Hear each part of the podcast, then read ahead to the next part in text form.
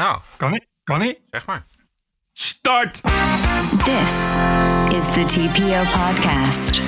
Stad met Pasen een en al hoop. I'm here in Amsterdam. I was holding the hands of my boyfriend, and those homophobic guys. They said that we are uh, uh, disgusting homos, and that we would deserve to die of cancer. De vijand heeft de volgende kenmerken. Ze hebben alle subsidiecircuits, alle musea, alle universiteiten, de hele ambtenarij, de rechterlijke macht.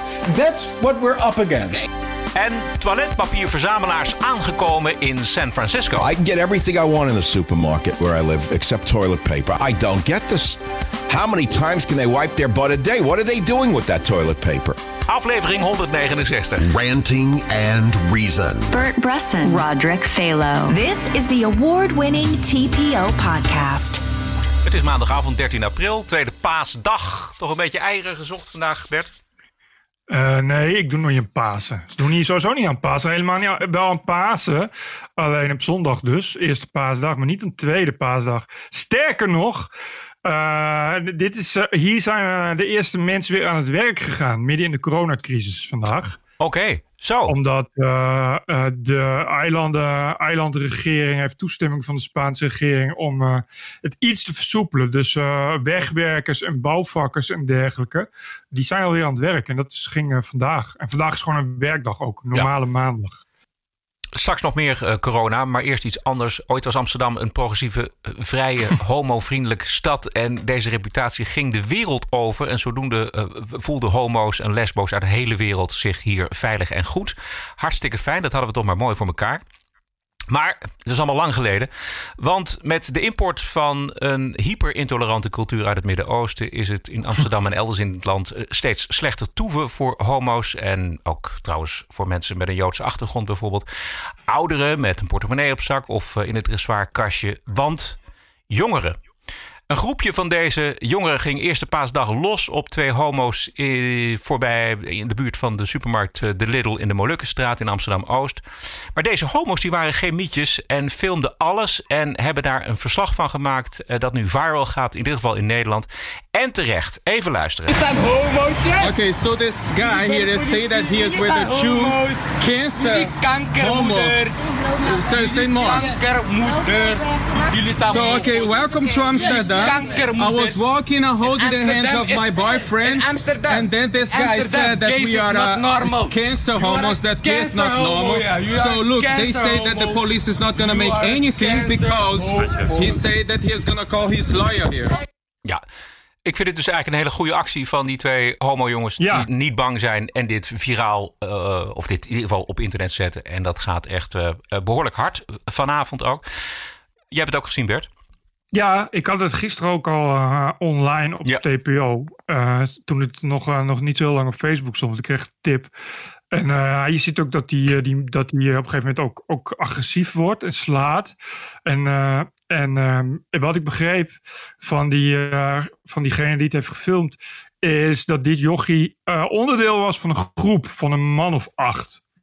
die, die dus de homo's lastig vielen. Ja. En eh, de, de, de rest van die groep, die zie je ook op die beelden. Maar die staan erbij. En eh, nou, deze, deze gek, die, eh, die werd dus agressief. En voor degenen die het niet zien, ja, dat is een typische, ja, typische wordt het niet. Een, een lichtgetint mannetje met een petje en een nektasje en zo. Ja. Dus precies wat je verwacht. Ja, exact. En eh, daar horen dan nog, ook nog twee jongens op een scooter bij. Die scooter is ook gefilmd. Eh, het Ja. kenteken is op internet gezet. De foto's van de jongens zijn op internet gezet. Ik vraag me af of dat, hoe lang dat duurt. Want het is meestal wel een probleem. Geloof ik de overheid, of in ieder geval de politie gaat vragen... of die eh, Ja. jongeren dan weer... onherkenbaar gemaakt moeten worden. Wij en nog een aantal andere media zetten jongeren tussen vette aanhalingstekens, omdat de oorzaak van dat anti-homo-geweld onder het tapijt ehm, veegt, namelijk met de term jongeren. Hè? Eh, het is namelijk één bepaalde Exact. groep jongeren met een bepaalde culturele achtergrond. Ik heb even gekeken hoe, hoe, jongeren nog steeds als jongeren wordt eh, genoteerd. Eh, Hart van Nederland die, die kopt met homostel is zondag uitgescholden en bespuugd door een groepje jongeren. RTL Nieuws ook homostel uitgescholden en bespuugd door jongeren in Amsterdam. Eh, WNL, homostel uitgescholden en bespuugd door jongeren. Parool, de slachtoffers liepen hand in hand richting de supermarkt. En toen eh, werden ze uitgescholden door een groep jongeren. Dus de mainstream media blijven de containerterm uh, jongeren hanteren. Als ik jongeren tussen aanhalingstekens zet, weet iedereen wat, wat wordt bedoeld. Ja, ik, ja, ja. Zo, zo, zo, erg, zo erg is het. Maar het is natuurlijk ook jongeren, dat is ook echt een containerbegrip. Ja, dat is, daar kun je echt, echt, echt eeuwig mee vooruit. Vrijwel alles past op een gegeven moment wel onder het kopje jongeren. Terwijl, ja, je, je, het is toch echt een, altijd een hele specifieke groep. Ja. Dus dat zou je dan gewoon uh, toch wel uh, zo kunnen noemen. ja, het, het, is echt. Het blijft gewoon. Ja. Je, daar is, zit nog steeds een kramp en een angst in. Natuurlijk zijn er ook gewone Hollandse jongeren die uh, homo's uitschelden. Maar er is onderzoek genoeg. En daaruit blijkt dat, dat 80% afkomstig is uit een um, cultuur waarin homoseksualiteit onbespreekbaar is. Dat in eerste instantie. Ja. Daar wordt met een grote boog omheen gelopen om die olifant in de kamer. Ja, wat heel raar is, want het is al zo lang. En ja. uh, dat men toch echt mee. Terwijl als je dan verder leest, wordt het toch dan ook nog wel benoemd. Maar er zit toch een. Uh, ja, het, is, dat blijft, het blijft moeilijk. Want ik heb het ook wel eens ook gehad. Uh, vroeger dat, dat ik zoiets deed en dat, dat ik dan in de kop zet. getinte jongeren of, of Marokkanen of dat soort dingen. Ja. En dat zoiets dan viraal gaat. En dan krijg je gewoon boze mailtjes van mensen die dan zeggen: van ja, je mag dat niet in de kop zetten. Ja. Maar dat, dat, is, dat, is, dat is terwijl je dan mee ook altijd terug van, nou ja, het is een feit, dus waarom zou ik dat feit niet in de kop mogen zetten? Nou ja, het, en het is een feit wat, wat, wat ter, ter zake doet, want uh, ja. dit is een, een probleem binnen die cultuur. Dus, je, dus door het probleem te benoemen, zou je er ook iets aan kunnen doen. Dat is natuurlijk altijd de gedachte. Hè? Als je het niet, en als je het niet benoemt, ja, dan, dan gaan we het probleem niet oplossen. En we lossen het probleem, dit probleem, dit specifieke probleem, lossen we al twintig jaar niet op. Nee, dus, precies. Omdat het ook al twintig jaar niet mag worden, zo mag worden benoemd. Ja. Ja, je krijgt altijd weer hetzelfde van ja, maar op het platteland zijn ook potenrammers. Ja, is ook zo. Ja, ja, ten eerste, oh, ik, heb, ik, ik hoor nooit echt eigenlijk inderdaad.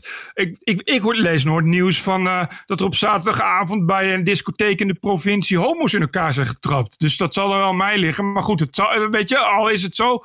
Maar er is natuurlijk niemand die denkt: oh, uh, uh, homo's lastgevallen in Amsterdam door een groep jongeren. Dan is er natuurlijk niemand die denkt: oh, dat zijn blanke hockeyjongeren. Niemand. Nee. iedereen, weet, iedereen weet waar het dan om gaat. Dus waarom zou je daar dan nog moeilijk over doen? De oververtegenwoordiging van deze jongeren waar we het nu over hebben. En die we ook op het filmpje zien, die is zo overduidelijk. En het is te bespottelijk eigenlijk om dat niet te benoemen. Ja, bovendien, uh, uh, het, het, past in de reeks van jongeren, jongeren, tussen aanhalingstekens, doen wat. We hebben nu ook al de laatste dagen continu jongeren die agenten in het gezicht spugen of mensen ja. in het gezicht spugen. En dat zijn telkens altijd weer jongeren op scooter. En als ik lees jongeren op scooter, nou dan weet ik wel wat voor jongeren op scooter dat zijn. Ja, ja. Vandaag, uh, gisteren in Utrecht uh, motoragenten gestenigd en bekogeld met autobanden door jongeren op scooters. Uh, eentje heeft ook nog geprobeerd een motoragent van zijn motor af te trappen. Ja, nou, de kanalenbuurt. Ja, dan weet je wel uh, wat voor jongeren dat zijn, nietwaar? Ja. We zagen ook in Anderlecht in Brussel van het weekend zagen we ook een, een politieauto volledig uitgekleed, gemolesteerd door ook een bepaalde groep jongeren. Wat ik goed vond aan het filmpje, wat nu zoveel aandacht trekt, is dus dat toeristen, voor zover ze nog naar Amsterdam willen komen, aanspreken op het feit dat Amsterdam ooit weliswaar een vrije en progressieve stad was, maar dat al lang niet meer is. Nee, maar dat is ook al best wel zeker hè, qua, qua, qua, qua geweld tegen homo's al best een tijd zo. Ja. En ik, Weet je, en, uh, maar goed, het is natuurlijk heel veel hoop en dat is overal om de mensen aanwezig. En hoop en corona zijn overal om ons heen aanwezig. Sorry. Ja. Nou, ja. Ik geloof dat er inmiddels aangifte is gedaan door de, door, door de boys. Ja. ja. En uh, de politie ging er uh, direct mee bezig, et cetera, et cetera. Maar uh, door corona ligt alles stil. En als ze worden gepakt, geloof ik niet dat ze heel hard worden gestraft. Nee. Nee, want dat is, uh, de rechtsstaat moet je vriend zijn. Oh ja, precies ja.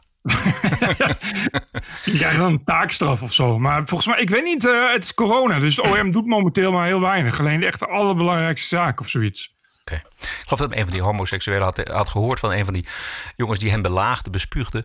Dat het geen zin had om de politie te bellen, omdat hij onmiddellijk zijn advocaat uh, zou gaan roepen.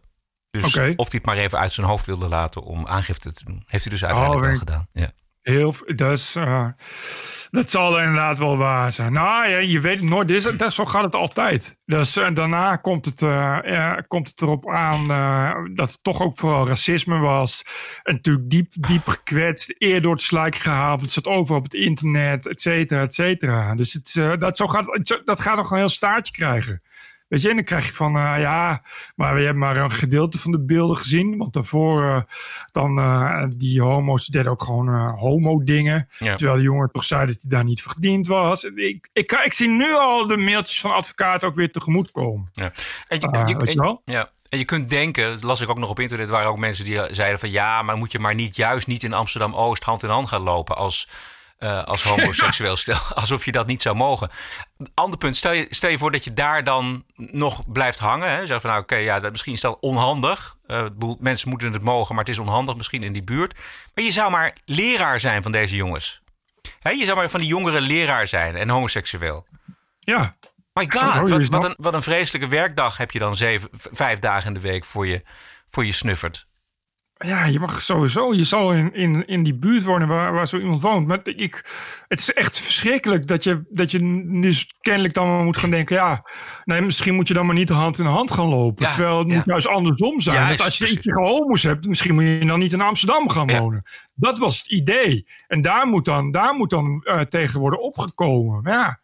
Weet je, het, het, het, maar ja, het begint altijd met het niet mogen benoemen. Ik kan me een gevalletje herinneren van uh, een regisseur die was vanwege internationaal uh, documentaire festival, geloof ik. of iets dergelijks. en dat was, een, dat was een lesbische regisseur die liep met haar vriendin. Die werd ook in elkaar geslagen. En dat notabene dat ze uitgenodigd was voordat ze iets had gemaakt over, over, ja, over, over homoseksualiteit. En, weet je, en ja, waren, ook, waren dus ook weer getinte jongeren. Weet je, maar het is allemaal zo, wordt het allemaal, allemaal een, beetje, een beetje verbloemd, wordt het verteld. En dan willen we er eigenlijk ook weer zo snel mogelijk van afgaan. Terwijl het wel echt een probleem is, omdat wat je zegt, ja, het is een, uh, het was toch, toch, toch de gay capital en zo. Weet je wel? En het is een beetje raar om wel elk jaar een of andere, een of andere pride te vieren. Maar tegelijkertijd te moeten constateren dat het toch wel een beetje uit de hand loopt. Met, met hoe moeilijk het is om dan openlijk homo te zijn in, deze, in die tolerante stad. Waar hoop gelukkig wel overal de mensen heen aanwezig is. TPO Podcast. Weer een leuke formule van Geen Stijl. Uur televisie maken vanuit een kelder met een interessante gast. Aflevering 1 was Thierry Baudet. Voor veel uh, critici van Baudet een aha-erlevenis. Een paar fragmenten waar we ook eventjes uh, kort over kunnen hebben, Bert. Uh, kickboksen is een van de sporten die Baudet beoefent. En daar leert hij incasseren. De, de meeste dingen die tegen of over mij gezegd worden... zijn evident gespeeld, niet oprecht. Dus als Rob Jette of uh, Jesse Klaver of uh, een of andere NPO-presentator uh, iets roept over mij, dat is in 9 van de 10 gevallen gespeeld. Dat is niet echt. Dat, is niet, dat komt niet voort uit een oprechte overtuiging of een analyse van wat ik zeg of geschreven heb. En dat raakt mij niet. En het verschil met een punch van kickboksen is dat me dat wel raakt. Dus dat is echt een heel groot verschil. Wat me wel raakt daarentegen, dat is dingen die gebeuren, bijvoorbeeld ook wel eens hier of elders, op plekken dat ik denk, jongens, jullie zouden het met me eens moeten zijn. We zouden als één front samen moeten optrekken. Dat is staan voor je punt, omdat je daarin gelooft. Ja, maar we hebben, we hebben een groot gevecht te voeren. Voor of tegen Nederland. Voor of tegen immigratie. Voor of tegen de nazistaat. Voor of tegen de EU. Voor of tegen al die windmolens. Je kan er weer een paar afstrepen op de bingo kaart. Ja, en uh, wat, me, wat me echt raakt... dat is dat ik soms zie dat mensen uit dat kamp... dus de, de, zeg maar de patriotten... dat die soms weglopen, overlopen, mij aanvallen. Dat soort dingen raakt me. Maar dat hully, zeg maar, van de, de landverraders, zeg maar, hè, dus de, de, de, de, de, de wereldburgers, dat die allemaal dat, dat soort dingen roepen. Ja, nee, dat raakt me eigenlijk niet. Ja, dat was een uur lang. Eh, heb je het gezien? Een uur volgehouden, Bert? Nee, niet een heel uur lang. Ik vond het, dat was, ik trok er een heel uur lang trok ik niet. Nee. Uh, wat Baudet met patriotten bedoelt, dat, daar kunnen we het straks nog even over hebben. Maar ik ben het wel eens met Baudet dat ik ook denk dat 90% van de aanvallen op hem niet echt gaan over wat hij zegt, maar wat, wat men invult wat hij denkt. in, en in die zin niet oprecht is. Dus er zit een politieke gedachte achter. Jette, uh, zijn politieke tegenstanders in de Tweede Kamer, die hebben altijd een politieke agenda. Dus die, die, die zoeken gewoon en die, en die, en die pakken hem. Dat, maar dat doet hij zelf natuurlijk ook. Um, en wat hij misschien bedoelt met de NPO-presentatoren. Uh, uh, ja, dat, die, hebben, die kunnen ook een agenda hebben. Ja, daar heeft hij gelijk in. Dat, dat, dat vind ik ook. En hij heeft ook gelijk dat hem dat uh, niet raakt. Ik weet niet of dat waar is, maar de, dat is natuurlijk wel. Daar, daar geloof ik wel dat hij daarin oprecht is, dat hem dat ook niet zo raakt. Omdat het inderdaad natuurlijk een beetje onzin is. En uh, het, hij zegt ook van ja, um, dat is geen. Het, ze zeggen het niet na, na grondige analyse. En dat klopt. Ze doen het inderdaad omdat ze een politieke agenda hebben. Want voor een grondige analyse moet je geïnteresseerd zijn in wat hij eigenlijk bedoelt of wat hij zegt. Hè? Precies, ja, precies. En, en, als je dan als je daarin geïnteresseerd bent, dan, uh, nou ja, dan, dan, lees je zijn boeken. Ja. Um, en dan weet je wel welke kant hij op wil. Maar wat er dan in het begin bijvoorbeeld gedaan werd, wat dan werd er een roman van hem gepakt en daar werd dan uh, in, op één bladzijde gekeken van hoe hij met hoe de hoofdpersoon met vrouwen omging en dat werd dan op hem geplakt. Dus in, in die zin begrijp ik wat hij bedoelt met niet oprecht. Ja, nee, dat, dat begrijp ik Niet ook. oprecht, niet, Dat- niet echt geïnteresseerd. Nee, sowieso. Hij is natuurlijk van, van, vanaf het begin af aan uh, neergezet als een fascist en een nazi en dat soort dingen.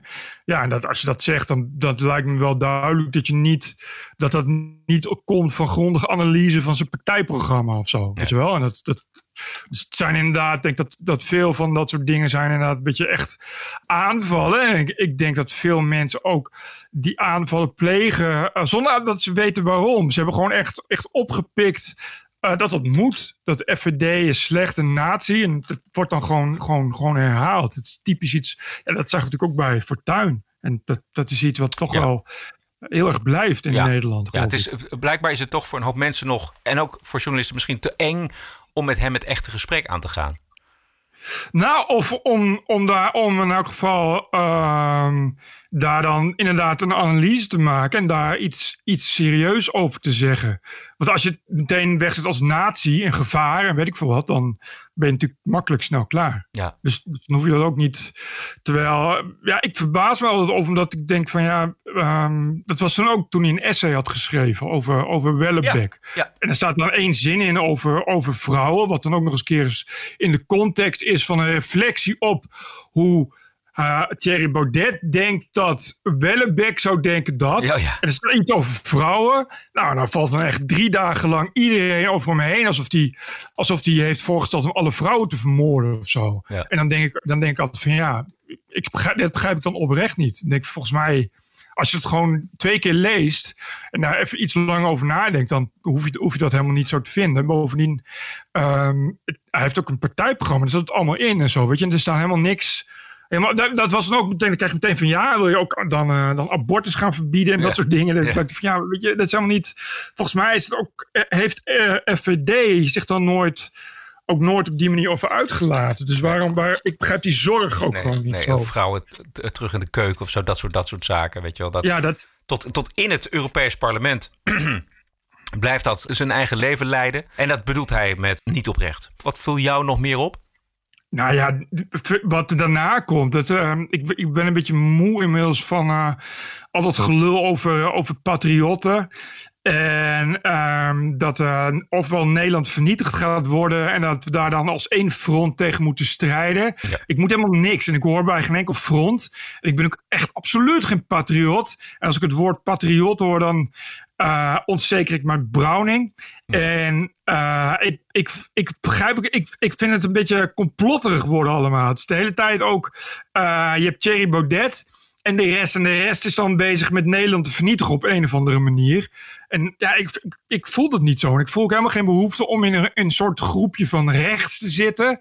Waarin ik dan, uh, waarin ik dan uh, uh, een of andere strijd, die, waarvan ik niet weet welke strijd het dan is, die ik dan moet aangaan of zo. Dat, dat doe ik niet aan mee. En geen stel ook niet. En ik zag dat Bart Nijman daar een goede reactie op had geschreven. In een, in een helaas een, een close read van een stuk van Sid Lucassen. Waardoor dat stuk van Sid Lucassen niet leuk was.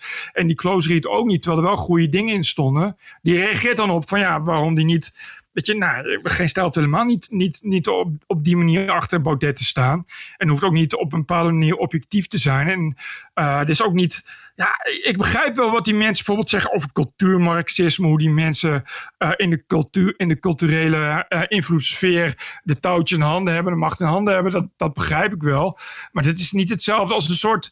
Het wordt langzaam een soort, soort complot van ze. En dat zijn de, de cultuurmarxisten. En als we nu niks doen. En dan, en, maar dat is dan, dan, gaat, dan wordt Nederland vernietigd. Maar dat betekent dan ook dat je ja, rare Baudettiaanse fratsen of zo. Dan moet je ineens, ineens gaan bidden met Pasen. En, en de Matthäus-passion gaan luisteren en zo. Want de Paas is het feest van de renaissance. Ja. Zullen we even luisteren? Ja. ja, graag. Wat ik geen stel ook verwijt... is dat jullie, net als de Post Online... eigenlijk natuurlijke bondgenoten zouden moeten zijn.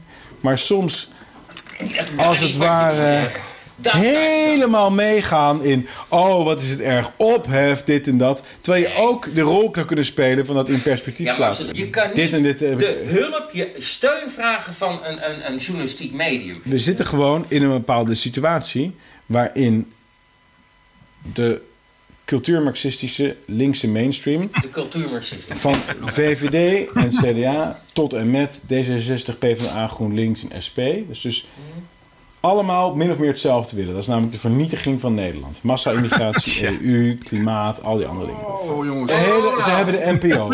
ze hebben alle subsidiecircuits, alle musea, alle universiteiten, de hele ambtenarij, de rechterlijke macht. Dat, that's what we're up against. Wij hebben de keuze om ofwel samen op te trekken, met alles wat je van mij kan vinden en wat ik van jou kan vinden, maar dat gevecht te voeren. En misschien te winnen en iets historisch neer te zetten in onze generatie. Nee. Of we hebben de keuze om een beetje onderling. Nee, nee. En ja, tweeënhalf jaar geleden heeft hij een Twitterbericht gestuurd. En dat was misschien niet helemaal. En de dit en de dat en de zus en de zo. Oké, en dan winnen zij. Dan winnen die klootzakken. Kan ook. Ja. Boris, hij ziet twee kampen. De mensen die voor de nazistaat zijn en de mensen die eigenlijk vinden dat Nederland op termijn zal moeten opgaan in een Europese superstaat. En, en vernietigen. Daar, precies, vernietigen. En of je nou politicus bent, of je bent journalist, of je bent commentator, of je bent huisvrouw, of je bent uh, werkende vrouw, of je bent wie dan ook. Weet je, je, moet kiezen. Dat is ook wat hij letterlijk zegt. Ja. Je moet kiezen. Ik moet helemaal niks. We, we moeten helemaal niks. En ik ben absoluut geen, geen natuurlijke bondgenoot van Thierry Baudet. Ik vind, uh, uh, kijk, ja, weet je, ik ben natuurlijk een, een, een bondgenoot van FVD en PVV, fijn.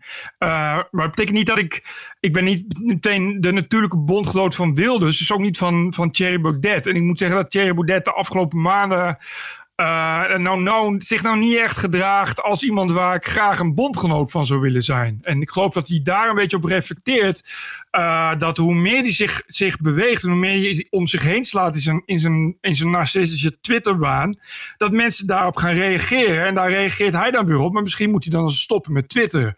Of sowieso uh, ophouden met, met, met zijn rare aandachtzoekerij die toch wel steeds meer over zijn persoon lijkt te gaan. Ja. Dat lijkt me dan een beter idee ja. dan daarover gaan zeiken. Ja, dat, wat ik wel sterk vond in dat uur, dat, dat hij dat ook wel hij heeft toegegeven, dat hij ook wel fouten maakt op dat gebied.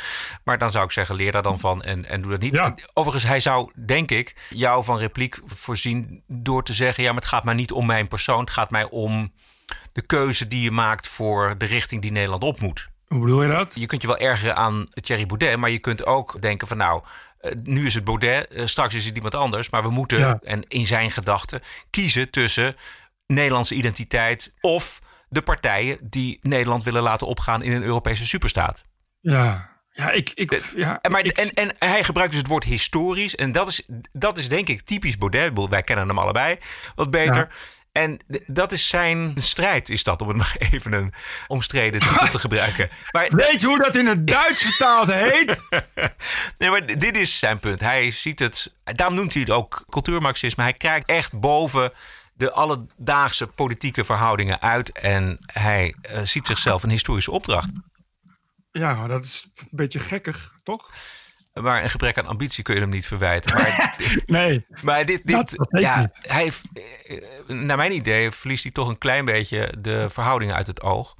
Nou ja, um, precies. Maar neemt niet weg dat, dat er hele sympathieke aspecten aan zijn partij zitten. Maar die zitten er ook bijvoorbeeld, vind ik zelf, aan iemand als Roland van Raak van de eh, Socialistische Ja. Partij. Die vind ik ook heel sympathiek. Ik vind Rutte heel erg goed optreden in deze crisis. Dus eh, denk ik, ja, de VVD, daar zitten ook wel aardige dingen bij. Ik voel helemaal niet de urge bij mij, maar die merk ik ook bij jou niet en bij heel veel andere mensen, om politiek te kiezen. Waarom zou je dat doen? Nee, dat ook niet. Maar dit is, dat is, dit is al een hele lange tijd gaande. En dat is een beetje het nadeel van als je in, in, in die eh, rechtse hoek komt. Dat je de hele tijd dit soort wappie gelul krijgt. Het is de hele tijd is het dan inderdaad. We mogen elkaar niet afvallen. En, eh, en eh, mensen die het dan hebben over, over de strijd. En, en, en een soort heilige oorlog. En we moeten de boel bij elkaar houden. Moeten bij elkaar samen ten strijde trekken. Zo, ik wil dat helemaal niet. Ik, Ja. ik ben hem niet. Ik wil helemaal niet. eh, ja, ik kan er ook niks doen dat, dat, dat dan eh, die hoek waar ik zit, dat dat dan toevallig rechts is. Maar ik heb helemaal niet per se iets allemaal met dingen met rechts. Nee. En dat, dat vind ik ook bij, bij, bij die stroming van Baudet. Dat is ook een heel groot gedeelte. Dat is een soort conserva- conservatieve stroming waar ik helemaal niet per se iets mee heb. Weet je, dat- ik, ik, ik, ik ben hem niet conservatief op die manier. Dan moet ik ineens eh, het, eh, het gezin als hoek zijn van de samenleving gaan zien. of zo. Dat soort gelul. Dat wil ik helemaal niet. Nee? Weet je, ik, wil- nee. en en, je, en ik, ik, daar voel ik me helemaal niet thuis in. Dus ik ben gewoon, ik wil gewoon kunnen, kunnen vinden wat ik wil en zeggen wat ik wil. En dat is iets waar je merkt dat die mensen daar nou niet echt op zitten te wachten, op, op kritiek. Nou, dan moeten ze dan maar leren. En ik vind het ook een beetje raar dat als je tegen een kartel bent, dat je dan zelf een kartel wilt gaan vormen. Ja. Dat, dus dan, het is kennelijk of je bent in het ene kartel of het andere kartel. Maar het ene kartel is dan slecht. Maar als het dan zijn kartel is, dan is het ineens oké. Ja, je bent tegen kartel of je bent het niet. Ja. Ik wil het nog eventjes hebben over de complotdenkers. Want er zijn toch wel weer, Ja, ja, toch weer zendmasten de, de fik ingegaan. Misschien is het, is het de laatste keer dat we het erover hebben, Bert. Maar eh, vorige week hebben we het er ook over gehad. Afgelopen weekend in Oudenbosch en in Veldhoven. En een poging tot brandstichting in Groningen. De daders, dat zijn mensen die A, denk ik, van geweld houden. En die denken dat er een verbinding bestaat tussen 5G en- en corona. En de logica samengevat vond ik het aardigst op Poont. Door de koning, Ja. de koning van alle complotdenkers. En zijn naam is Frans Heslinga. Wat ik denk is dat we hier te maken hebben met een soort 5G-verschijnsel. Een verhoogde straling die losgelaten wordt op mensen. Wuhan was het eerste 5G-city. Op het moment dat je die straling loslaat op planten, dieren of mensen... is dat schadelijk voor het organisme. Dus op het moment dat dat alleen je kunt de coronavirusziekte niet een 5G-ziekte noemen. Want dan stoppen ze in Den Haag onmiddellijk met de uitrol ervan. Jezus, wie dat zegt. Wat een dit is. eh, Heslinga is ook de, de Nederlandse platte aarde Oh ja, ja, conspiracy precies. Ja.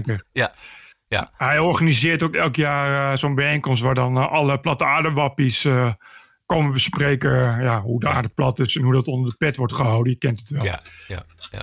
ja, het einde van, de, van, de, van het plateau is de Zuidpool en het midden is de Noordpool. Dat is een beetje. Ja, en er is een ijsmuur staat eromheen. Oh, ja, ja, precies. Ja. Ja. Dus ja, het mag allemaal. Dat vinden wij geen enkel probleem. Het is eh, uitstekend. En, eh, maar eh, hou het vuur er een beetje buiten. En, Ja, en- want Hè? kijk, deze man is natuurlijk gewoon ongevaarlijk. Ja. Is dus iemand Denk waar je, waar, je, waar je met de Pownetkamer gewoon heen kan. En eh, hij weet zelf natuurlijk ook wel dat hij wordt uitgelachen, maar hij staat er gewoon voor. En dit, wil hij volgens mij, ik zag in dat Pownet filmpje, eh, kwam hij meteen ook met nog 16 complotten zo'n beetje. Dat zie je altijd bij dat soort mensen trouwens. Dat de hele wereld, alles is, achter alles zit wel een complot. Maar nogmaals, ongevaarlijk. Weet je wel, dit zijn mensen die, nou ja, die beheren Facebookgroepen en dit soort dingen.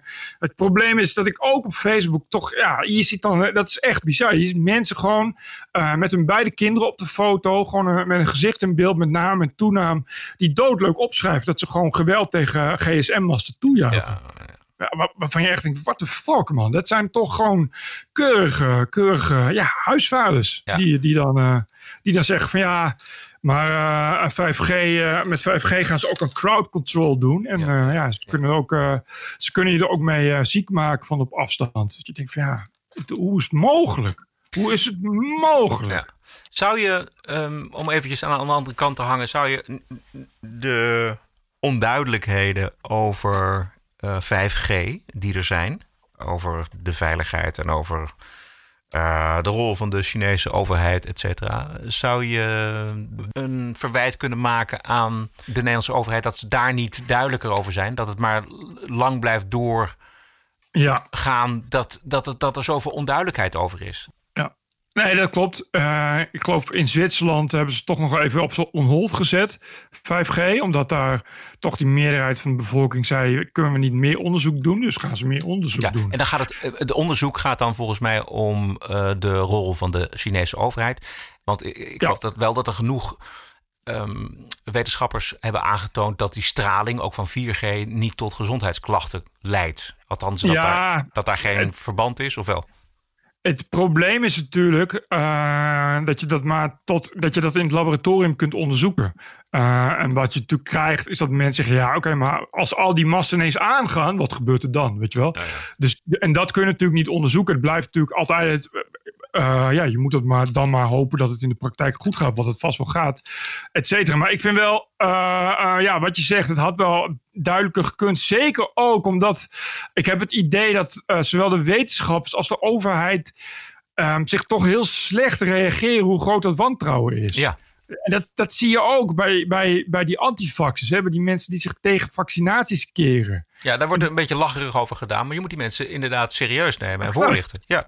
En, en dat is een probleem, want dat ga je nu straks bij corona, als er vaccinaties zijn, gaat, wordt dat een probleem. Ja. Je krijgt, dat zie je dus nu ook, hè, de hele tijd gebeuren. Zeg, ja, want het is allemaal uh, Bill Gates en die wil mensen injecteren met, met microchips en zo. Dus 1 en 1 is 2, weet je. Corona is niet voor niks. En daar, uh, um, dat is een gevaar, dat is een risico. En ik vind, uh, en dat vind ik bijvoorbeeld ook bij, bij die platte aarde. Dit, dit staat op, op Netflix, staat zo'n documentaire. En dan zie je op een gegeven moment ook die wetenschap zeggen ook van ja, het is allemaal leuk en aardig om die mensen uit te lachen. Maar er zit ook wel een beetje schuld bij ons. Om, om, want wij zijn wel heel arrogant en we, we zeggen wel, je moet het maar aannemen, want wij weten dat. Ja. Uh, maar ja, misschien ligt het ook aan het feit dat wij dat uh, um, te makkelijk overheen stappen. Uh, het slecht uitleggen. En, en, en, en, want dat is natuurlijk ook bij 5G een probleem. Ja. Op het moment dat je het gaat uitleggen, begrijp je het al niet meer. Nee, precies. Je, nee. Het is zo ingewikkeld. Dus je hebt eigenlijk iemand nodig die daar betrouwbaar is. En die dan ook zegt van ja, dit is hoe... Maar dat zie ik gebeuren. Hè. Al die mensen zeggen... Uh, die zeggen altijd, doe zelf onderzoek en, uh, en uh, open je ogen. En dan zeg ik, oké, vertel me, wat, wat heb je onderzocht dan? blijkt altijd dat ze er verder geen klap van afweken. is altijd van, ja, magnetron is ook gevaarlijk, dus 5G ook. Weet je, maar ja, het werkt dus anders. 5G is geen magnetron. Maar ja, er is, er is niemand die dat normaal uitlegt. Het is een soort, soort gesloten bolwerk van, van mensen die, ja, die aan de TU werken of, of, uh, of in Twente, die dat dan uitzoeken en die dan zeggen, ja, dit is veilig. Weet je, maar die mensen hebben geen idee wat het dan is. Wat Nee. is dan... En dat, dat mis je heel erg. Ja, exact. En dan heb je het over die veiligheid. Maar wat, waar ik zelf persoonlijk uh, nogal wat vraagtekens bij heb, is uh, de veiligheid. Uh, welke rol en welke software zitten er straks in die 5G-apparatuur? Want Huawei is van de Chinese overheid. Die, Ja, die, die ja. zit daar vo volledig in. Dat geldt voor bijna alle bedrijven. He- Heeft de Chinese overheid daar zeggenschap over. En de vragen die wij hebben, kunnen niet beantwoord worden. Precies. Dat vind ik echt een groot probleem. Ik vind dat wetenschappers moeten daarmee oppassen. In, in combinatie met overheden. Je, je ziet het nu, nu ook met het RIVM. Met, met uh, continu diezelfde gezichten. Die virusdeskundigen op televisie. Weet je wel. Het is, er gaat soms zo'n arrogantie van uit. Uh, en m- mensen hebben moeite dat te accepteren. Uh, en ik denk dat. Um, dat er, er, zou, ja, er zou iets meer ruimte moeten zijn om ook naar uh, al die gekkies te luisteren. Want wat die mensen natuurlijk in de basis zijn, is dat ze gewoon bang zijn. Ja. Uh, ze zijn bang voor, voor een, een overheid die ze gaat controleren. Wat niet zo gek is, als je meteen gaat roepen van uh, we, moeten, we moeten nu allemaal een app. En, uh, en want weet je, we, we, gaan er nog meer, we gaan nog meer de burgers controleren. Ja, Ja. dat begrijp ik wel, dat mensen daar bang voor zijn. Ja. En, dan, en dan moet je veel duidelijker en veel meer op hameren. En ook die, die, die, die Roel Coutinho en dat soort lui. Kijk, die mensen zeggen iets. En, en, en ik, geloof, ik geloof zelf dat ze dat allemaal wel weten wat ze deskundig zijn. Maar ze vergeten altijd te vertellen waarom ze deskundig zijn. Weet je wel? Hoe weet je dan dat het zo is? Die zegt, ja, nee, we gaan een lockdown en we, hebben, uh, we komen een, een, een, een herd immunity, et cetera, et cetera. En, maar ze vergeten te zeggen waarom ze dat weten. Ja, omdat ze dat al, al 200 jaar weten. Maar dat vergeten ze te vertellen. Die mensen die kijken naar televisie en zien iemand die dat elke keer zegt. En dan, zegt de regering, en dan lijkt het alsof de regering zegt: Oké, we doen dat. Dus worden ze bang. En dat, er zou veel meer, die tussenstappen moeten veel meer inzichtelijker worden Precies, gemaakt. en dit is ook volstrekt logisch, want we zijn uh, inmiddels uh, al twintig jaar opgegroeid met internet en iedereen verzamelt zijn eigen informatie. Precies. En dus zou de overheid, uh, wat mij betreft, gewoon nog transparanter moeten zijn dan ze denkt dat ze is, want ze is helemaal niet transparant. En dan ga je dus ook dit soort complottheorieën kun je ontkrachten veel meer dan alleen maar te zeggen van ja, je moet ermee ophouden, is schadelijk, et cetera. En jullie zijn niet goed bij je hoofd. Ja, kijk, die echte gekkies, het soort, het soort mensen dat, dat, dat mast in de fik steken, die krijg je niet op andere gedachten natuurlijk. Dat, dat maakt niet uit. Want op het moment dat je het gaat uitleggen, zeggen ze ja, maar dat is iemand die is betaald om ja. dat zo uit te leggen. Uh, bedoel, maar dat is hetzelfde als mensen die geloven dat de aarde plat is, nog uitleggen dat de aarde rond is. Dat hoeft ook allemaal niet. Uh, maar waar het om gaat, is dat je in ogenschouw moet nemen en dat ook zo zien dat als dat gebeurt, dat als uh, er steeds meer uh, antifax-moekers bijkomen, dan moet je toch gaan denken, er gaat ergens iets mis. Ja. En hoe kunnen we dat ondervangen? Wat, waar, waar is het misgegaan? Weet je, in, in 1960 was er niemand die erover klaagt. En nu is het 2020 en, en lopen we ineens het risico dat, uh, dat het aantal mensen dat zich wil inhetten tegen de mazelen tot onder de, tot onder de noodzakelijke 90% valt. Waar is het misgegaan? Waar, waar kunnen we dat aanpassen? En dat is iets wat volgens mij niet gebeurt. Het is leuk om al die mensen uit te lachen. Dat doe ik ook. Uh, en ze vragen ook om, zeker op Facebook. Maar je moet je dan wel afvragen hoe, hoe het komt dat die mensen zo wantrouwig zijn geworden. Precies, en zeker als het. Exact, exact. En zeker als het dus gevolgen heeft, als sommige mensen daar dus een vuurtje bij houden bij die gedachten. En Precies. Uh, we, we, in de samenleving te maken krijgen met allemaal grote problemen rondom verbindingen, et cetera. Stel nou, hè, dat, dat, dat, ik las daar een interessant artikel over. Stel nou uh, dat we door die coronacrisis gaan versneld met een, met een vaccin bezig gaan. Dat gaan we allemaal nog sneller dan dat, dan dat, dan dat mogelijk is. Uh, en je krijgt een vaccin. En er worden op grote schaal mensen ingeënt. En dan blijkt dat vaccin niet te werken. Of erger, mensen worden nog zieker. Weet je, dan, stel wat dat doet met het vertrouwen van de mensen in, in, in rijksvaccinatieprogramma's bijvoorbeeld. Mm -hmm. Nee, maar daarom, Daar, wordt het, dat, dat, daarom duurt het zo lang voordat het vaccin er is, toch? Dat wordt eerst eindeloos, eindeloos getest, ja. Maar, maar dat is dus, het punt is dus dat dat vertrouwen heel broos is. Ja, exact. En, en dat je daar heel erg mee moet oppassen met hoe je dat doet en, en hoe je het brengt. We gaan waarderen en doneren. TPO Podcast. We hebben een uh, donatie ontvangen van uh, Martijn met een, uh, een, aardige tip ook nog erbij. dankjewel Martijn voor de tip. Ik ga hem alleen niet gebruiken, want we hebben een andere leuke bonusquotes. ideeën voor bonusquotes, stuur ze gerust naar ons op als je iets leuks gevonden hebt of iets leuks aardigs gehoord hebt. Het adres is heel simpel info.tpo.nl um, Bert, heb jij nog um, Zeker. brieven en donaties ontvangen? Ik heb uh, een brief van uh, Brechtje en Jannik. Brechtje en uh, Jannik zijn studenten geneeskunde en theologie en ze zijn met elkaar verloofd. Oh, leuk. Sinds een half jaar luisteren we trouw naar jullie podcast. Goed dat jullie samen de ruimte willen geven aan het debat en daarin geen onderlinge discussies schuwen. Een fris geluid wat de nodige waardering mag krijgen, dus hierbij. Wij zijn beide studenten geneeskunde en theologie, sinds kort met elkaar verloofd en de TPO-podcast geeft ons wekelijks leuke en uitdagende gesprekstof waar wij ook onderlinge mening verschillen, maar de discussie van harte samen opzoeken. Een bijdrage voor onze relatie. Ga zo door, Betje en Roderikje, want wat jullie hier wekelijks neerzetten is goud. Zojuist hebben we 20 euro daar tegenover gezet. Anderen ook doen. Groetjes, Brechtje en Janniek. Uh, ik had er nog één. Uh, oh ja, even kijken. Hey mannen, dit is John Patrick. John Patrick komt volker, vaker voorbij. Ja. Dat staat hier. Hey mannen, voordat ik een terugkerend thema in de podcast word, deze hoeft niet voorgelezen te worden hoor. nou, het is een beetje laat nu, Patrick, John Patrick. Laat het maar liever over, jullie gaan het over jullie luisteraars, whatever. Mocht het niet duidelijk zijn, love you guys. Het is jammer dat jullie podcast maar één keer per week is en, niemands, en iemands reactie erop al snel ingehaald wordt door de actualiteit. Iemand anders die daar weer op reageert, loopt al twee weken achter het nieuws aan. Zo so be. Ik vind het wel lach dat er meer figuren zoals ik luister, die anders nodige mening moeten laten horen aan jullie. Mooi in ieder geval dat als ik een grote bek heb, er iemand anders opstaat die er tegenin gaat en jullie dat in de podcast etaleren. Hulde. Ik vind het grappig om te merken hoe alle meningen en overtuigingen continu bewegen de afgelopen weken. Ook bij jullie was goed te horen hoe jullie zoekende waren in de laatste drie afleveringen. In nummer 168 van deze week keren jullie voor mijn gevoel weer een beetje terug naar je oude vorm. Gelukkig mooie dag gewenst. John Patrick, vaste gast. John Patrick. En ik krijg er net nog één binnen. Zal ik die ook even doen? Ja, doe maar. Goedenavond Bert en Roderick. Afgelopen zaterdag liep ik door Hilversum. Voel je ik. Ik had er juist een goede reden voor.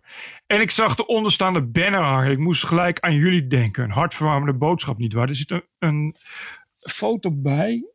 Uh, er staat hou vol Hilversum. Dat hangt aan het stadhuis van Hilversum of zoiets. Ik blijk al 168 podcasts geluisterd te hebben zonder een donatie. Dus juist toch mijn tientje overgemaakt. Dat zal er in de toekomst maar vaker van moeten komen. Verder sluit ik mij volledig aan bij de luisteraars die onlangs genoten van jullie meningsverschil. Als jullie maar blijven zeggen wat je vindt en het geen gimmick, gimmick wordt om het oneens te zijn. Volgens mij, dit was hem. Dit was hem. Wilt u ook ondersteuner worden van de TPO-podcast? Dat kan met ideeën of suggesties. Dat wat u hoort in de media. Dat u denkt, nou, daar, laat, laat, laat Bert daar nou eens even zijn licht over schijnen. Of Roderick. Mailen kan naar info.tpo.nl. En een financiële ondersteuning stellen wij op hoge prijs. Waarderen en doneren kan op tpo.nl slash podcast. This is us. This is our country. This is CNN Breaking News. I believe that the president is literally an existential threat. Stop the hammering out there. Who's got a hammer? Make America great again. New York Times and CNN have also smeared veterans like myself. This video was taken during a heated exchange with an unidentified man who called Cuomo Fredo. Stop the hammering. This is the TPO podcast. News 630 WMAL, Washington. Ja, ondanks alle protesten van journalisten en mediamensen dat het afgelopen moet zijn met de dagelijkse persconferenties van Trump, gaat de president gewoon door. En dat is maar goed ook, want Don Lemon van CNN knapt bijna uit zijn ego van woede. What is that? Anyways, it's all about him. The president turning the coronavirus task force briefings, briefings that Americans are counting on to get the facts that could save our lives, turning those briefings into his own personal airing of grievances. All of this with more than 10,000 Americans dead, more than 360,000 sick around the world, more than 1.3 million confirmed cases of coronavirus.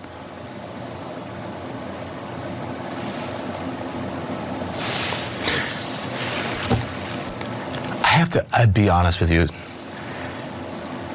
For the last couple of weeks, when I walk into this building and I get in front of this camera, I swear I feel like I'm in the movie network. I feel like Howard Beale. Howard Beale is uh, de nieuwsanker uit de film Network die uiteindelijk krankzinnig wordt. Americans are mad as hell. Are you? When are you gonna? How much more can Americans take? Every single day, berating people, lying.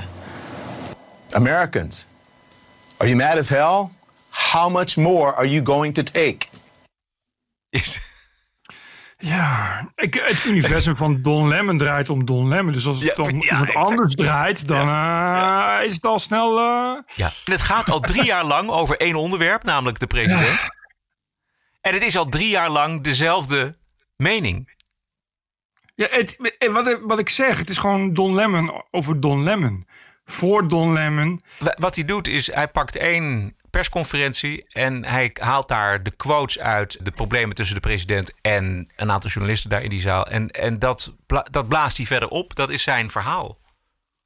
Ja, maar wat hij doet is elke avond zeggen hoe verschrikkelijk hij Trump vindt. Ja. Avond en avond. En, Meer dan drie jaar lang. Kijk, het is leuk als mensen hun mening geven. Het is wel leuk als ze ook af en toe gewoon een, eh, van thema veranderen. Ja, precies. Ja. Ja, dat doet Don Lemon totaal niet. En het is absoluut waar dat het optreden van Trump op die persconferenties geen schoonheidsprijs verdienen. Nee, Ehm, maar dat is nu. Ja, dat is nu. Maar zelfs zijn, eh, zijn voormalige VN-gezant Nikki eh, Haley die heeft gezegd dat Trump op die persconferenties meer tijd moet afstaan aan de echte deskundigen. Dat is Ja. ook zo. Ja. Maar die journo's die zijn in, in toenemende mate uit, niet op informatie, maar uit op wat heeft de Trump-regering verkeerd gedaan. Het gaat altijd over ze hebben te laat gereageerd. Elke eh, coronaslachtoffer is de schuld van Trump, of in ieder geval van zijn regering. Eh, luister even naar een ABC-journalist tegenover de diepgelovige vicepresident van de Verenigde Staten, Mike Pence. Mr. Vice President, I have a final question for you. I and I ask this not as in a political way, but for you, sir, like so many of us in our nation, you are a person of deep faith. No one doubts that. When you talk to God in your moments alone, do you find yourself worrying at all that people you represent and care deeply about have died and will die who did not need to because of steps the federal government did not take soon enough. Well, thank you for mentioning that we are talking about one American at a time. Ja, en dan is Mike Pence nog zo uh, beschaafd en goed opgevoed dat hij op deze manier antwoord geeft. Maar hier lussen de honden toch geen brood uh, van. Als u met God praat, denkt u dan niet: ik ben schuldig aan al die coronadoden? Dat is eigenlijk wat die journalist vraagt. Ja, het is echt. Ik begrijp niet ook waar ze nu uh, vandaan halen dat er, dat er iemand meteen schuld aan heeft. Iedereen heeft deze coronacrisis te laat ingeschat met terugwerkende kracht. Ja. Nederlandse regering, Italiaanse regering, Chinese, uh, iedereen. Spaanse, Amerikaanse, iedereen, iedereen, iedereen. Je kan toch niet zeggen, oh, dan als, je, als je president bent of vicepresident, dan ben je heel schuldig aan, aan tienduizenden doden. Weet je, ja. U heeft doden op uw geweten. Dat is eigenlijk wat ze voortdurend zeggen. Jullie hebben doden op je geweten. Geef het toe. Speaking, had je dat nog uh, uh, meegekregen van die BBC-presentatrice? Wat was het, die presentatrice van Newsnight? Ja. Vorige week. Wat? Die hield een hele monoloog over, over, over dat er meer gelijkheid moet zijn. En uh, dat, nou, ook weet je, dat het allemaal de schuld is van, uh, van, uh, van de conservatieve regering. Oh ja, ja, ik, zeg ik. Ja. Ja. Het, was, was, het was heel erg. En ik las ja, op RT, dus dat is natuurlijk fout. Maar goed, die zijn, dat, dat was wel gewoon een, een Britse schrijver. Ja. Die, ook, die ook schreef van, goh, dat is wel grappig dat dan iemand die 3,5 ton per jaar verdient... en in het duurste stukje van Londen woont... Uh, dat hij dat die nu heeft over, over gelijkheid. En, en gaat vertellen uh, wat gelijkheid is en, uh, en hoe dat moet worden gedaan. Dus weet je, het was echt een soort verschrikkelijke hypocrisie. Zoals je dat ook in Nederland kent bij de NPO. Maar dan in, in, bij de BBC natuurlijk keer tien. Omdat die mensen, die enkers natuurlijk verschrikkelijk veel verdienen. Ja. Op, kosten, op kosten van anderen. Op kosten van die mensen die niet kunnen betalen voor, voor, voor, de, voor de zorg die ze nodig hebben. Dat maar, zei, wat, wat was haar betoog? Ja, haar betoog was vooral ja, een soort, soort, soort uh, laten we het vooral hoe laten we het vooral communistisch maken, want dan komt het allemaal weer goed. En uh, dat het vooral de schuld was van, ja, van neoliberalisme en, en, en de ongelijkheid. Ook dat wat je bij tegenlicht ook hoort, zeg maar. Ja, ja. ja. Maar ehm, daar, was, daar was dus natuurlijk heel veel, heel veel kritiek op terecht. behalve in Nederland, behalve in Nederland had je Ilko Bos van Roosentaal, ja. die als eerste twitterde hoe fantastisch het was. Een fantastische uitzending. Ja, ja. ja ik heb ik gelezen. Uh, en zoiets van, uh, dit is uh, misschien niet objectief, maar het is wel heel erg waar wat ze zegt. Maar het is verschrikkelijk dat, dat weet je, mens van die gaat dus, dat mens gaat dus een hele, heel betoog houden over wat ze vindt, over ja. haar beklemmende linkse wereldbeeld. Uiteraard met uitzondering van haarzelf. Want als het nou echt zo is, uh, allemaal wat ze wil, dan is het eerste wat ze doet, is stoppen met haar werk en haar geld verdelen. Weet je wel? En, maar dan zie je zo'n Ilko Bos van Roosdal die dat dus fantastisch vindt. Dan denk je echt van, oh man. Ja, er waren meer mensen die dat fantastisch vonden. Ja. Want ik zag inderdaad dat er uh, meer man. mensen uit, uit ons métier dat inderdaad geweldig vonden wat zij Hoe deed. Hoe kan dat toch? Dat ze dat, dat ze dat zo leuk vinden. Dat is toch, toch ik vind het zo, ik vind het altijd zo ranzig. Die ja, rare is... zedenprekerij van ja. die journalisten. Ja. Dat is... En niet een beetje, hè? als je dat nou af en toe eens opschrijft, of, of, of, of je weet toch al wat, wat die journalist aan welke kant die staan, maar dat je een halve uitzending even neemt om te switchen, dat je denkt van, Jesus Christ. Zo, maar, maar, die, hebben die mensen geen grenzen? Zo, je gaat toch ook af en toe voor de spiegel staan en dan denk je toch van ja, ik moet misschien wel ergens een keer ophouden met mezelf verheerlijken. Ja, misschien moeten ze beginnen met, ik... met niet voor de spiegel te staan. ja, dat zou schelen. Ja, ik wil even iets laten horen um, uit de Trump-hoek. Namelijk dat er ook uh, steun is uit onverwachte hoek voor Trump. Die uh, um, aangevallen is op het feit dat hij het coronavirus een Chinees virus noemde. Weet je dat, ja. Robert? Ja. ja. ja dat zou racistisch zijn. Trouwens, dat vindt Amnesty International nog steeds. Dat het racistisch Goh. is. Ja. Uh, TV-persoonlijkheid Bill Mayer. Scientists, yes, scientists who are generally pretty liberal. Have been naming diseases after the places they came from for a very long time. Zika is from the Zika forest, Ebola from the Ebola River, hantavirus, the Hantan River. There's the West Nile virus and guinea worm and Rocky Mountain spotted fever, and of course, the Spanish flu. MERS stands for Middle Eastern Respiratory Syndrome. It's plastered all over airports and no one blogs about it. So why should China get a pass? Congressman Ted Lieu tweeted The virus is not constrained by country or race. Be just as stupid to call it the Milan virus. No, that would be way stupider because it didn't come from Milan. And if it did, I guarantee we'd be calling it the Milan virus. Jesus fucking Christ. Can't we even have a pandemic without getting offended? Het is wel zo. Ja, Het is wel absoluut. Het is absoluut. Komt nog uit China, dat is het probleem dan. Ja, ja, ja. De Verenigde Staten het zijn in- inmiddels flink aan de beurt met corona. Eh, en wat zich overal afspeelt, namelijk in Azië en, en later in Europa en daarna in New York, eh, speelt zich nu af in San Francisco. Is eh, het toiletpapier hamsteren. Onze talkshow-host Michael Savage. I can get everything I want in the supermarket where I live, except toilet paper. I don't understand it. The most anal people on earth live in San Francisco. I don't get this. How many times can they wipe their butt a day? What are they doing with that toilet paper? What are they trading it for butter and eggs? Is there some barter system going on? I'll give you one roll of toilet paper for a half dozen. I've never seen anything like it. But now the market came up with some low grade toilet paper, like the six pathetic little rolls. I feel like it's like Poland in, in 1946. You know, the one salami in the butcher store I've been telling you about under communism. So now there's like four rolls of toilet paper and it says one roll per customer. I didn't even need it, but I bought I bought a roll. This is part of the the mass hysteria, by the way. It's like you see everyone else buying it, you figure maybe what do they need it for? They expect they're going to have a diarrhea attack from the coronavirus. I don't understand it. Dit is precies wat jou ook is overkomen, Bert. Weet je, jij ging het op een gegeven moment ook maar inslaan, omdat je zag dat andere mensen het gingen inslaan. Ja. Het zal wel belangrijk zijn. Ja, ik bedoel, eh, eh, iedereen, dat, ik, iedereen koopt dat, dus nou, dan, dan wil ik het ook hebben. Ja.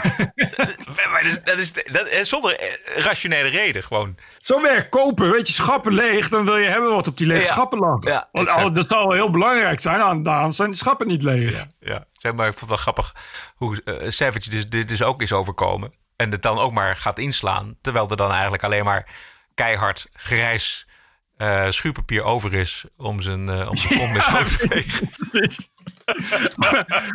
Al, die, al die page 16 laag zijn als eerste op. Wat dan overblijft is die, is die enkellaag waar je dan met je vinger heel makkelijk doorheen drukt en zo. Die dan ook heel erg blijft plakken in je, in je, in je, in je riool. Ik vind het overigens altijd wel fijn, dat een beetje dat harde. Ik hou niet van die, van die, van die zachte wit. Ik wil ook wel altijd die, een beetje die bruine. Dat, dat je ook voelt een beetje dat... Zo! Ja, een beetje ook het idee dat je, dat je aan het vegen bent. Ik heb echt bij die, bij die grote is ook. Want ik wil, ik wil altijd. Ik ben iemand. Ik, ik zit soms echt een half uur op de play. Want ik heb, ik heb altijd obstipatie van die, van die kutpillen. Dus ik, ik, dan heb ik echt drie keer per week. Moet ik dan, eh, en moet ik dan van, eh, van dagen ervoor poep ik dan uit. Dus ik zit Ja. dan een half uur. Dan heb ik echt een enorme berg. echt, echt. Echt, zodat ik echt, echt gewoon dat het, dat het gewoon, eh, dat ik het topje gewoon met mijn kont kan voelen. Maar kun je niet Dat- halverwege even doorspoelen? Dat voor de ja, rest... dat doe, ik dan, dat doe ik dan ook. Maar hoe dan ook, dan zit je kont helemaal onder. Dus heb je gewoon heel veel wc-papier nodig. Dus ik trek er gewoon een halve rol. Dat trek ik eraf. En dat wind ik dan zo om mijn hand. En dan heb je gewoon zo'n heel pak, weet je. Maar als het dan, als het dan van die 16 laags is, dan heb je echt, echt een, Ja. met, heb je het idee dat je vier wc-rollen in je hand hebt. En dat, als je daar dan mee gaat afvegen, dan is, is meteen je play helemaal vol. En als je dat dan doorspoelt, blijft het gewoon hangen. Weet je, en het voelt gewoon niet fijn. Want het is, het alsof het, alsof het, ik weet het niet. Je voelt het net niet helemaal. Je voelt dan wel iets. Terwijl ik heb liever gewoon een beetje dat je ook een beetje, een beetje, een beetje, een beetje flink geracht wordt. Dat je ook echt het idee hebt dat het helemaal schoon is. Ik zou het vooral bij de t- toiletpapier houden wat je, wat je nu gebruikt. Ja. Oh my god. Heb je nog wat? Ik heb eh, alleen nog een Ja. bonusquote. Ja? Had je gezien eh, in Trouw, eh, 170 wetenschappers. Ja, had ik gezien. Eh, ah, wetenschappers, sociologen en milieuwetenschappers Ja, ja, ja. zijn ook wetenschappers, maar dat geeft toch een iets ander beeld dan wetenschappers. Die eh, doen nu toch maar weer eens een pleidooi om, eh, nou ja, om het communisme weer eens eh, een hart onder de Ja, riem te steken. communisme, Het zo ongeveer. En het zou fijn zijn om eh, dat eh, dankzij deze coronacrisis eh, dat dan in één keer zo zonder revolutie zo kan worden uitgerold. Dat was een beetje het idee. Dus een eerlijke en duurzame samenleving. Nou ja, en Ik ik dacht, Ja? wie, wie moet dat dan allemaal betalen? Die eerlijk, eerlijke samenleving. Dat vroeg ik me dan af. Ik denk niet je hoogleraar. Ik denk belastingbetalers. Wat denk jij? Het geld moet ergens vandaan komen. Ik, ik was even aan het zoeken, want ik pak, ik pak het er even bij. Want de luisteraars die moeten ook even weten waar het over gaat. Want hun voorstel bestaat uit vijf punten. Eén, En ze willen alle schulden kwijtschelden. Ik, ik, ik noem het even op. Eén, even kort. Ehm, vervanging van het huidige ontwikkelingsmodel gericht op generieke groei van het bruto nationaal product. Dat betekent dus eigenlijk dat ze, eh, ze willen bepaalde sectoren wel steunen in ontwikkelingslanden en bepaalde sectoren niet. En niet bijvoorbeeld olie, gas, mijnbouw, reclamesectoren. Twee, ontwikkeling van een economisch beleid gericht op herverdeling. Nou, dat is, jouw, eh, dat is jouw ding. Dus herverdelen. Eh, Aha. Eerlijker, eerlijker, eerlijker. Drie, overgang naar een circulaire landbouw. Dus dat is ge- gebaseerd op biodiversiteit. Veelal lokale voedselproductie. Daar gaan we weer. Het ideaal van lokale voedsel. Dat werkt niet, jongens. We hebben bijna 8 miljoen mensen op deze aardkloot. Die ga je niet voeden met lokale voedselproductie. Vier, vermindering van consumptie en reizen. Nou, dat is te geweldig. Minder eten en minder reizen. En vijf, kwijtschelding van schulden, inderdaad. Ja, het Dit mag. is toch voor de helft het, het, het, het, Brezhnev-plan? Of eh, wat, wat eh, zie ik over het hoofd? Het is- Het, is, eh, het zou kunnen hè, als het allemaal in de praktijk werkt. Dus als het allemaal vrijwillig gaat. Als we de mens zo in elkaar zit. Maar de mens zit niet zo in elkaar. Dus het is, gaat, altijd dwang. Moet er altijd aan te pas komen. En dan, dat is de, de weg naar de hel. Nee, maar het, het zit ook. Het, ik zag eh, vandaag eh, iemand, Vicky van Lommel, dat is, die is milieudeskundige voor voor all, for all sakes. Ja. Maar die schrijft wel eens voor TPO goede stukken. En die had het eh, hele stuk keurig, keurig aan Fladder geschreven. Maar dus inderdaad, door te zeggen van je, van je kan wel de hele tijd gaan zeggen dat het allemaal de schuld is van het kapitalisme en neoliberalisme. Maar dat is toch een beetje de aanjager geweest van de welvaart. Weet je, het feit dat we nu zo snel al dingen kunnen doen tegen het virus en dat proberen, dat hebben we nou juist te danken aan het neoliberalisme. Exact. En daar staan ze gewoon nooit bij stil, deze Nee. idealisten. Dat is. Nee- dat is Eh, nee, nee, dat, is dat, dat circulair, eh, circulaire eh, industrie. Wat ze willen is dat mensen minder vlees gaan eten. En, en, en, en weet je, het is allemaal leuk en aardig. Maar veel mensen in de wereld eh, is het niets anders op dan dat, ze, dan dat ze kippen eten die zo goedkoop mogelijk zijn. Omdat ze anders van honger omkomen, et cetera, et cetera. Weet je, er echt... Het is een één soort wensdenken wat volledig haak staat op de realiteit. Ja. Nou, ik ben wel, ik ben wel voor minder ehm, biefstuk, minder koeien.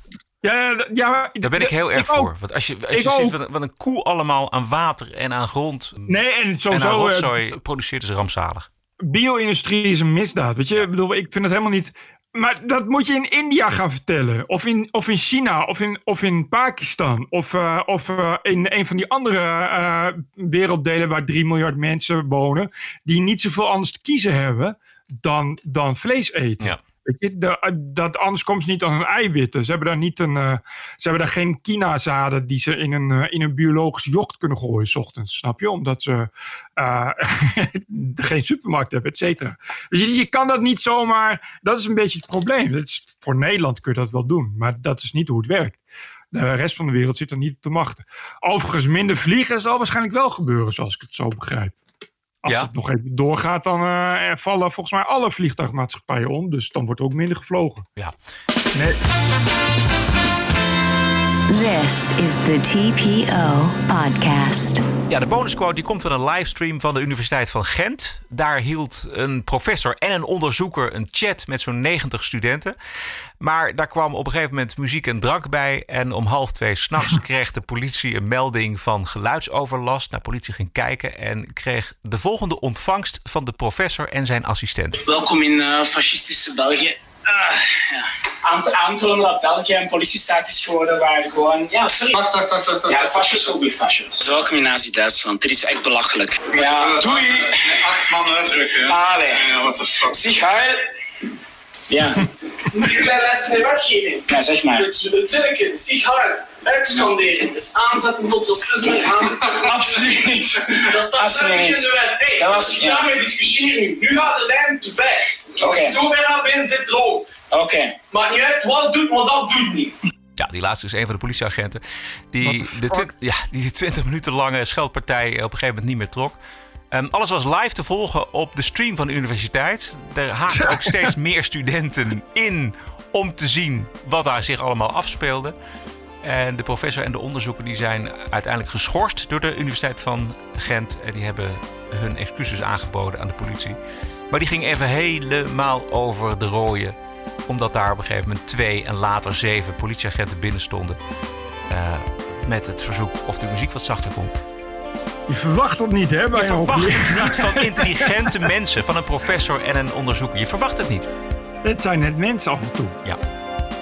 Goed, tot zover aflevering 169. Commentaar mag naar info.tpo.nl. En financiële ondersteuning wordt zeer gewaardeerd. Wilt u doneren? Ga dan naar tpo.nl slash podcast. We zijn terug dinsdag 21 april, Bert. Heb een mooie week en tot dinsdag. Ben je nog naar de Hornbach geweest? TPO Podcast. Bert Bruson, Roderick Balo, Ranting and Reason.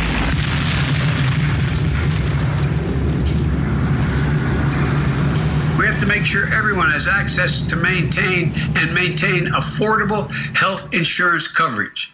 We should be making it easier, not harder, to make sure to se- make sense to eh, eh, you know. I'll put it another way. It makes no sense. Podcasting is the TPO podcast in the Netherlands. Bert and Roderick. What a show. I'm telling you.